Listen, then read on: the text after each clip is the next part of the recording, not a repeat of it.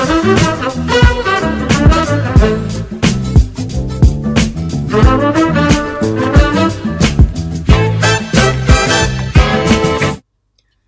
datang di Lini Podcast, ngobrol lebih dekat tentang gaya hidup sehat. Pada episode khusus bulan Ramadan kali ini, kita akan membahas mengenai puasa dan juga manfaatnya bagi kesehatan. Halo teman sehat, kembali lagi bersama saya Zafira. Pada episode sebelumnya kita telah membahas mengenai kiat sahur yang sehat dan salah satunya adalah mengonsumsi air dengan cukup. Teman-teman suka penasaran gak sih apakah air yang kita konsumsi saat sahur itu sudah cukup untuk memenuhi kebutuhan air harian kita selama puasa? Nah, kita akan cari tahu jawabannya di sini karena pada hari ini kita akan membahas mengenai berapa banyak sih air yang perlu diminum saat sahur. Tapi tunggu dulu, saya nggak akan sendirian di sini karena saya akan ditemani oleh seorang narasumber yang sangat luar biasa. Beliau merupakan guru besar ilmu gizi FEMA IPB University dan juga ketua umum Pergizi Pangan Indonesia. Mari kita sambut Prof. Hardinsyah. Selamat datang Prof. Apa kabarnya hari ini? Kabar baik. Apa kabar Kak Zafira? Alhamdulillah baik juga Prof. Terima kasih. Uh, sebelumnya kita juga telah berbincang kan ya Prof mengenai uh, kiat sahur yang sehat dan salah satunya itu adalah minum air. Yeah. Seperti yang kita tahu juga air ini uh, memiliki banyak sekali Prof manfaatnya dan juga sebagai salah satu sumber kehidupan ya Prof bisa disebut seperti itu. Yeah. Menurut Prof Hardin, uh, kenapa sih kita perlu minum air? Ya, yeah.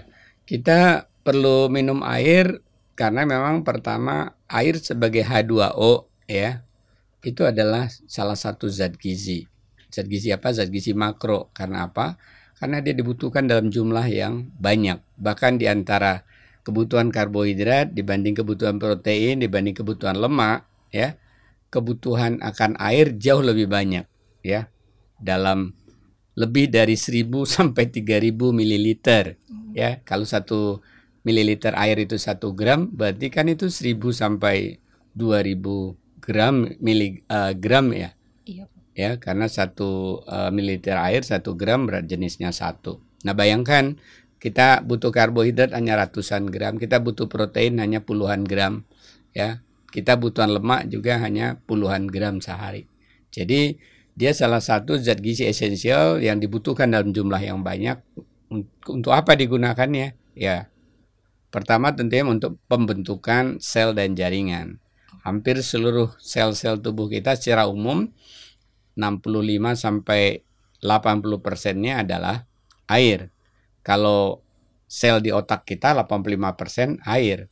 Yang paling rendah di tulang ya. Kalau tulang rawan masih sekitar 60 persen, tapi kalau tulang yang udah keras itu sekitar 20-25 persen air di dalam. Jadi apalagi di darah ya, darah itu 95 persen adalah air. Nah, ini menyebabkan bahwa air tadi jadi salah satu zat gizi esensial. Kenapa dikatakan esensial?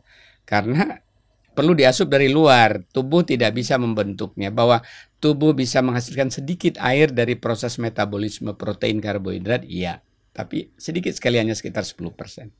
Oh, jadi begitu ya, Prof. Jadi air ini merupakan uh, salah satu zat gizi esensial yang perlu dikonsumsi dan memiliki banyak sekali manfaat ya, Prof. Yeah. Nah, uh, manusia, saya juga pernah mendengar nih Prof, bahwa manusia itu nggak bisa bertahan hidup tanpa mengonsumsi air jika lebih dari tujuh hari. Bah, tapi uh, anehnya manusia masih bisa bertahan hidup lebih dari empat apabila tidak mengonsumsi makanan lebih dari 40 hari. Nah, padahal saat kita puasa uh, kita kan nggak boleh mengonsumsi air sama sekali ya Prof sama uh, kurang lebih 14 jam. Yeah. Bahkan di beberapa, beberapa negara lainnya mereka nggak bisa mengonsumsi air selama uh, 20 jam saat berpuasa, Prof. Hmm. Apakah hal tersebut nggak mengganggu kesehatan, Prof?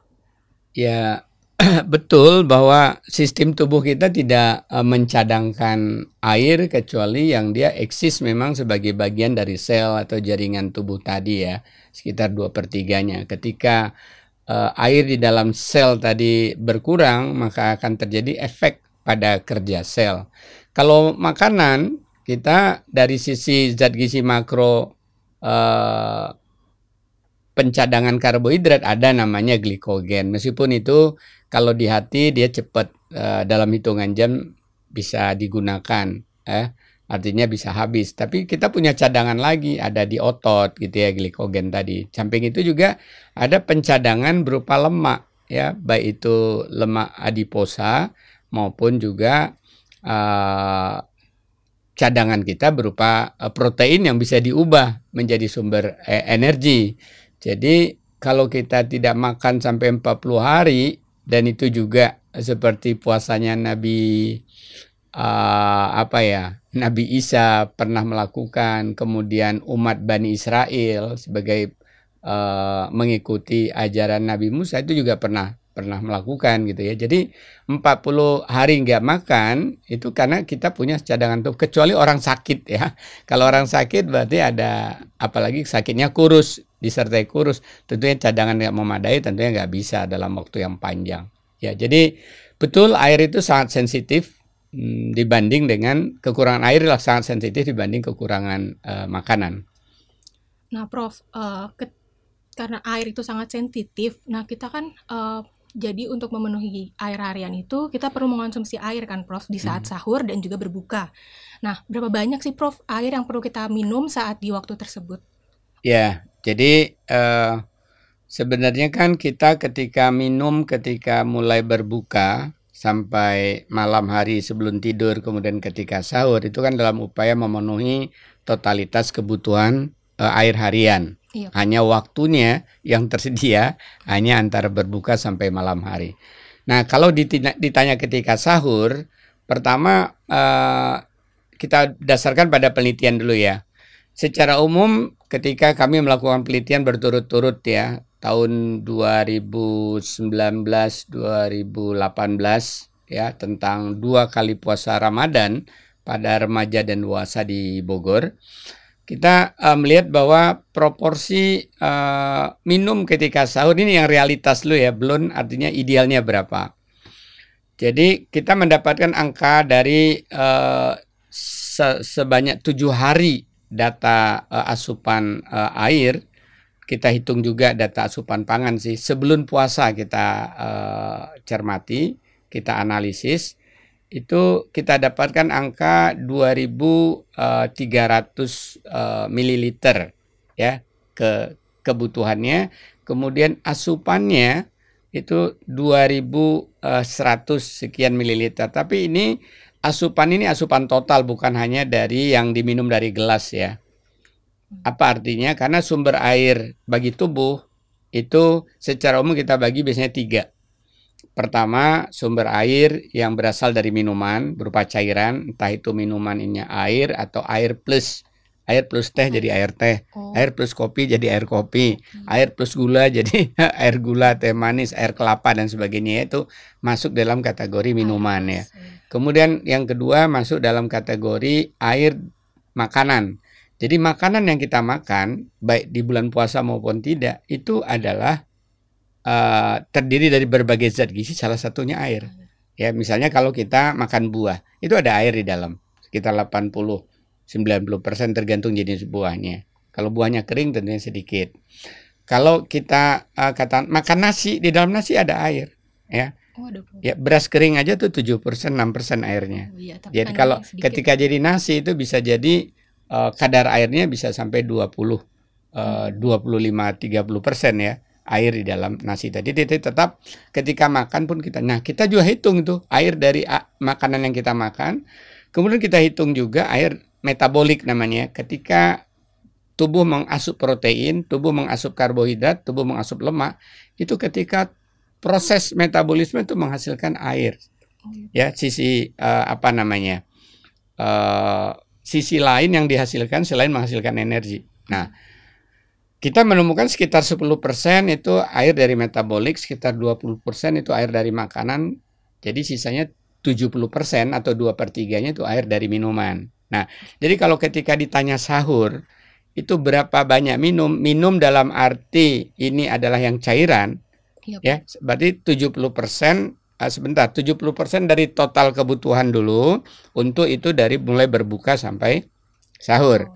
Jadi kalau tadi 2300 uh, kebutuhan yang kita temukan pada remaja dan dewasa total 70 persennya jadi 0,7 kali 2,3 ya.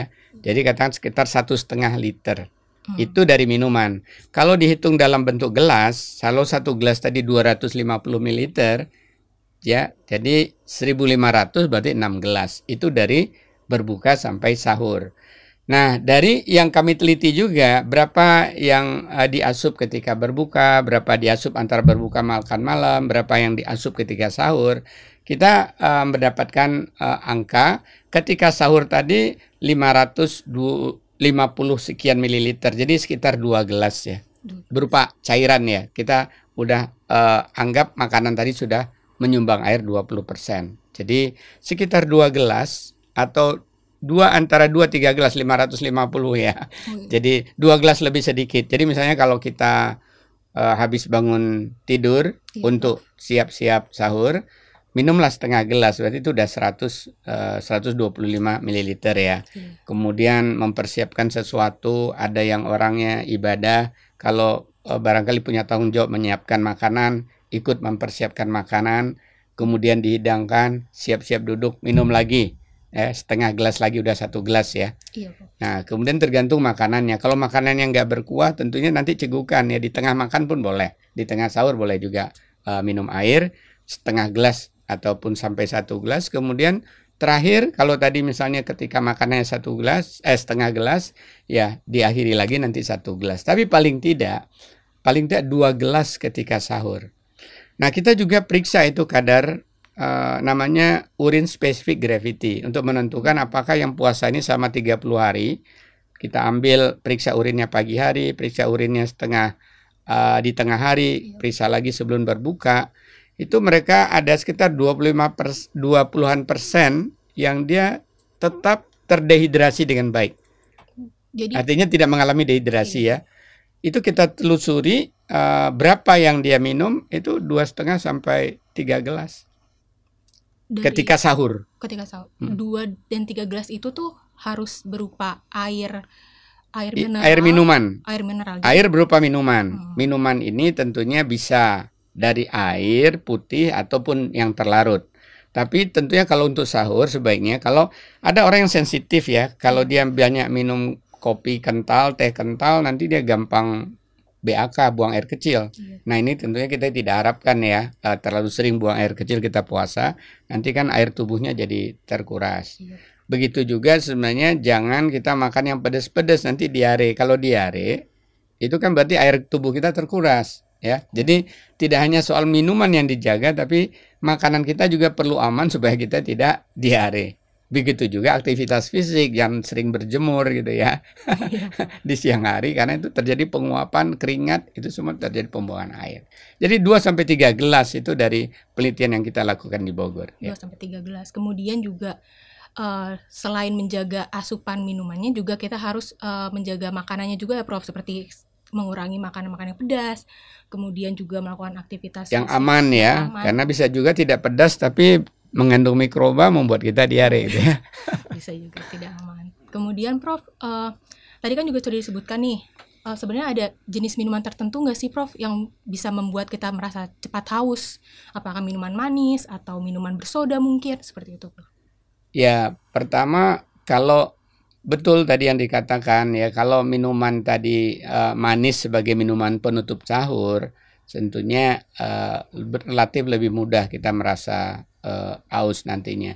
Kemudian orang yang sensitif terhadap uh, kopi. Sensitif terhadap kopi itu ada dua. Satu meningkatkan tekanan darah, ya. Tapi ada orang minum kopi nggak apa-apa tekanan darahnya. Tapi ada juga orang sensitif kalau minum kopi dia banyak BAK. Tapi kalau tidak demikian ya nggak masalah. Hobinya minum kopi ya silakan. Tapi lagi-lagi uh, air putih itu salah satu pilihan terbaik mengakhiri sahur supaya nanti pencernaan kita juga baik dan lancar gitu. Nah, uh, jadi selain jadi semuanya tergantung juga ya, kembali lagi pada sama makanan juga tidak hanya meskipun kita minum air putih tapi diakhiri makan gorengan juga. Oh, itu juga bisa. Juga nanti jadi cepat aus juga ya, gitu. jadi uh, sama minum tadi kita juga harus lebih selektif lagi. Kayak misalnya mengurangi minuman yang uh, bisa menyebabkan rasa haus dan juga mungkin uh, membuat uh, cairan dalam tubuh lebih cepat keluar ya Prof. Seperti BAK tadi kopi bisa menyebabkan BAK. Seperti itu. Nah, uh, sebelum kita mencapai penutup nih Prof, uh, mohon Prof Adin berkenan memberikan uh, closing statement mengenai topik uh, berapa banyak air yang perlu diminum saat puasa, eh saat sahur ini, Prof? Ya, uh, pertama bahwa kita butuhkan ya air uh, sebagai bagian dari zat gizi yang kita peroleh dari makanan, minuman maupun tubuh kita juga menghasilkan tadi sekitar 10% air ketika metabolisme. Nah, bagaimana cara memenuhi kebutuhannya? Ya, ketika sahur spesifiknya tadi dari kajian yang kami lakukan pada remaja dan dewasa di Kota Bogor selama membandingkan sebelum Ramadan, kita lihat juga ketika Ramadan, kita cermati bagaimana ketika dia berbuka, ketika makan malam dan sahur dan ketika kita periksa bahwa dia yang terhidrasi dengan baik, tidak mengalami dehidrasi sampai menjelang berbuka, yang konsumsi minuman uh, airnya, terutama air putih sebagian besar adalah uh, 2 sampai 3 gelas ketika sahur. Mudah-mudahan bermanfaat. Terima kasih banyak Prof atas bincang-bincangnya kali ini terkait uh, topik berapa banyak sih air yang perlu dikonsumsi saat uh, kita sahur. Nah, Semoga informasi yang diberikan oleh Prof hari ini bisa bermanfaat bagi kita semua. Dan juga saya ingin mengucapkan terima kasih pada teman sehat yang telah menemani kita sampai akhir. Jangan lupa untuk tetap ikuti uh, Lini Podcast melalui channel YouTube Lini Sehat dan juga kamu bisa mendengarkannya di Spotify. Jangan lupa selalu terapkan protokol kesehatan dan sampai jumpa di episode berikutnya mengenai begini loh cara berbuka yang baik. Sampai jumpa semua.